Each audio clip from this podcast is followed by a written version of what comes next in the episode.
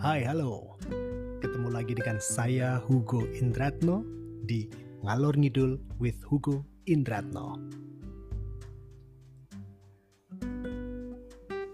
Kali ini saya akan bicara seperti biasa, random, ngalor ngidul. Kebetulan hari ini tadi saya kepikiran satu hal yang sebenarnya sudah menjadi unek-unek dalam pikiran saya. Mungkin sudah sekitar 15 tahun ke belakang. Tetapi saya pikir uh, ini ada sedikit isu sensitif ya, begitu. Well, anyway, that's okay. I think it's okay to talk because tadi malam oh kemarin malam saya consider untuk bicara ini dalam konteks yang umum. Jadi kali ini kita akan ngobrol-ngobrol ngalor ngidul sedikit tentang what I felt, what I thought for years, and I will share with you guys. Saya akan ngobrol dengan kalian, ya kalian dengerin saya.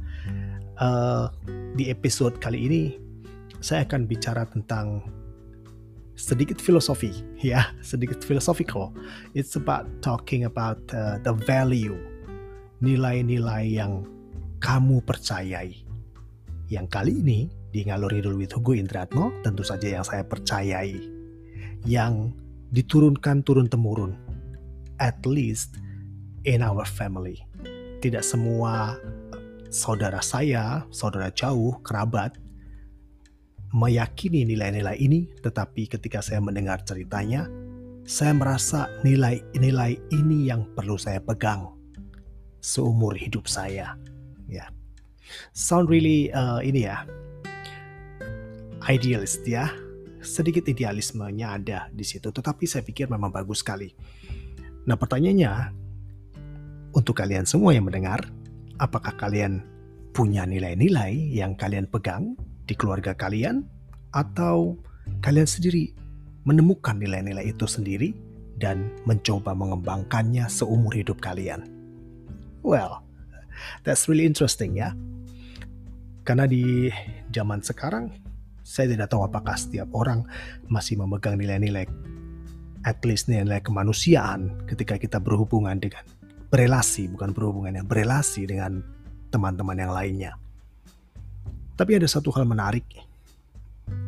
Sekian berarti sudah sekian ratus tahun yang lalu ya. Jadi kira-kira sekitar tahun 1820 begitu 26 27 saya tidak tahu persis atau mungkin malah lebih awal dari itu 1825 mungkin juga. Menariknya cerita ini sudah diturunkan turun temurun dalam keluarga besar saya. Jadi ternyata usut punya usut. Nenek moyang saya kakek moyang saya ya itu ternyata beliau termasuk orang penting pada masanya. Tentu saja ya, karena pada masa itu juga mungkin uh, tidak banyak orang penting. Nah, ada satu pertemuan dalam kehidupan beliau yang betul-betul mengagetkan saya karena ada satu cerita di mana beliau bertemu dengan dua tokoh sejarah lainnya dan mereka ini termasuk tokoh-tokoh yang well known ya kebetulan kakek moyang saya itu menjadi hanya semacam mitos begitu ya. Tetapi menariknya adalah situsnya di mana mereka bertiga dengan kakek moyang saya bertemu itu masih ada sampai sekarang. Hal yang terpenting dalam cerita ini, dalam ngalor ngidul with Hugo Indratno kali ini adalah betapa ketika beliau-beliau bertiga bertemu, mereka ada dalam semangat berjuang ya untuk melepaskan diri dari Belanda. Mungkin bukan Belanda waktu itu ya masih VOC mungkin ya, tapi mungkin juga Belanda. Uh, kita harus lihat lagi lebih cermat di sejarahnya. Mungkin teman-teman bisa melihatnya. Tetapi hal yang menarik adalah mereka bersumpah setia untuk saling setia satu sama lain, saling membantu, dan uh, tidak tahu persis detailnya semuanya, saya harus lihat lagi. Tetapi ada satu yang mah, satu yang sangat menarik buat saya, yaitu bahwa mereka bersumpah setia. Jadi ada beberapa poin, tiga poin kalau tidak salah, dan salah satu poinnya adalah mereka bersumpah untuk mempunyai hati yang lurus, hati yang dipersembahkan untuk perjuangan, dipersembahkan untuk kesejahteraan rakyat. Hati yang lurus, hati yang rata. Nah, menariknya di sini adalah kakek moyang saya meyakini ketiga sumpah itu, termasuk hati yang rata itu, hati yang lurus ya, itu sampai akhir hayatnya. Jadi di satu pertempuran dengan Belanda, kakek moyang saya itu akhirnya ceritanya singkatnya gugur dan dia menurunkan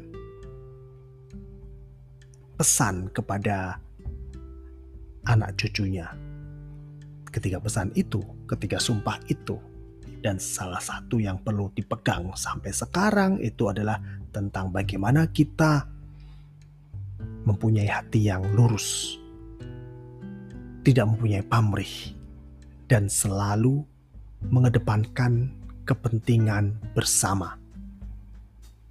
Dan itu menjadi satu apa ya namanya ya, menjadi satu kunci buat saya yang menghantui, oh bukan menghantui hidup saya, tetapi yang menginspirasi. Kalau menghantui kesannya uh, terrorizing my life gitu ya, but it's not. So my great great great great great great great grandfather um, is really living that message ya. Saya jadi ingat tiap kali I go to a workshop and then uh, I will end up my workshop with uh, this term, right? I leave you with a message. Oke, okay. jadi ada satu pesan sebelum saya menyelesaikan workshop. Biasanya saya mengatakan, ya, uh, sebelum mengakhiri workshop ini saya akan memberi satu statement untuk anda pikirkan begitu ya. Tapi uh, jelas-jelas bagaimana pesan kakek moyang saya ini menginspirasi hidup saya bahwa apa pun saya dalam kapasitas terkecil pun yang saya miliki sebagai seorang pribadi, tentunya saya harus mempunyai hati yang lurus, berguna bagi sesama. It's not easy. It's not easy to be honest. It's not easy to live that kind of uh, what do we call uh, principle, right? Tapi ya namanya kita manusia. Kadang kita bisa, kadang kita enggak, tetapi hal yang paling utama adalah kita mengingatnya bahwa kita diciptakan untuk berguna dan diciptakan memang menjadi uh, bukan diciptakan pada awalnya pada dasarnya adalah orang baik. Nah, itu yang terus saya hidupi Menarik sekali karena pesan-pesan ini disampaikan turun-menurun dengan harapan bahwa para keturunannya, para keturunan kakek moyang saya tadi menghidupi, menghidupi, menguatkan diri bahwa kita adalah bagian dari masyarakat, bagian dari orang-orang kecil bahwa kita ketika kita di atas kita tetap punya hati yang lurus bekerja belajar jatuh dan bangun untuk kebersamaan. Well ya yeah, ngalor gitu lebih tunggu Indratno this night uh, I don't know whether you are listening it uh, at night or at or in the morning or at noon but uh, yeah it's a bit little bit philosophical. Tapi saya yakin itulah yang membuat satu setiap orang dari kita selalu mau maju, ingin menjadi lebih baik. well, ngalur gitu lebih Tugu Indratno. Saya pikir ini sudah, hmm, uh, headset saya kena mikrofon. Sudah 10 menit saya ngalur ngidul. Mungkin I'll leave you with this message.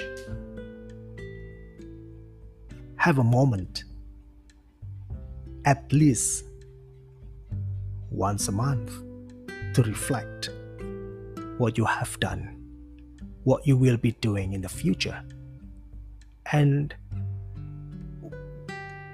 have you made any impact on your surroundings? It's kind of a reflection a moment for you that as human beings, we have to do that. Jadi saya tinggalkan Anda dengan satu pesan untuk berefleksi. Paling tidak ya sebulan sekali untuk melihat apakah kita sudah berbuat satu hal baik, dua hal baik, tiga hal baik sebagai manusia kepada sesama kita. Because that's what we are. Good human beings. Oke, ngalor gitu lebih Tugu Indriatno. Saya cukupkan sekian. Terima kasih sudah setia mendengarkan saya ngalor ngidul ngobrol apa pun randomly. Dan semoga Anda sehat selalu. Dan selalu ingat, Anda punya kapasitas untuk berguna bagi sesama. Oke, ngalor gitu lebih Tugu Indriatno. Sampai di sini. Bye-bye. Ciao.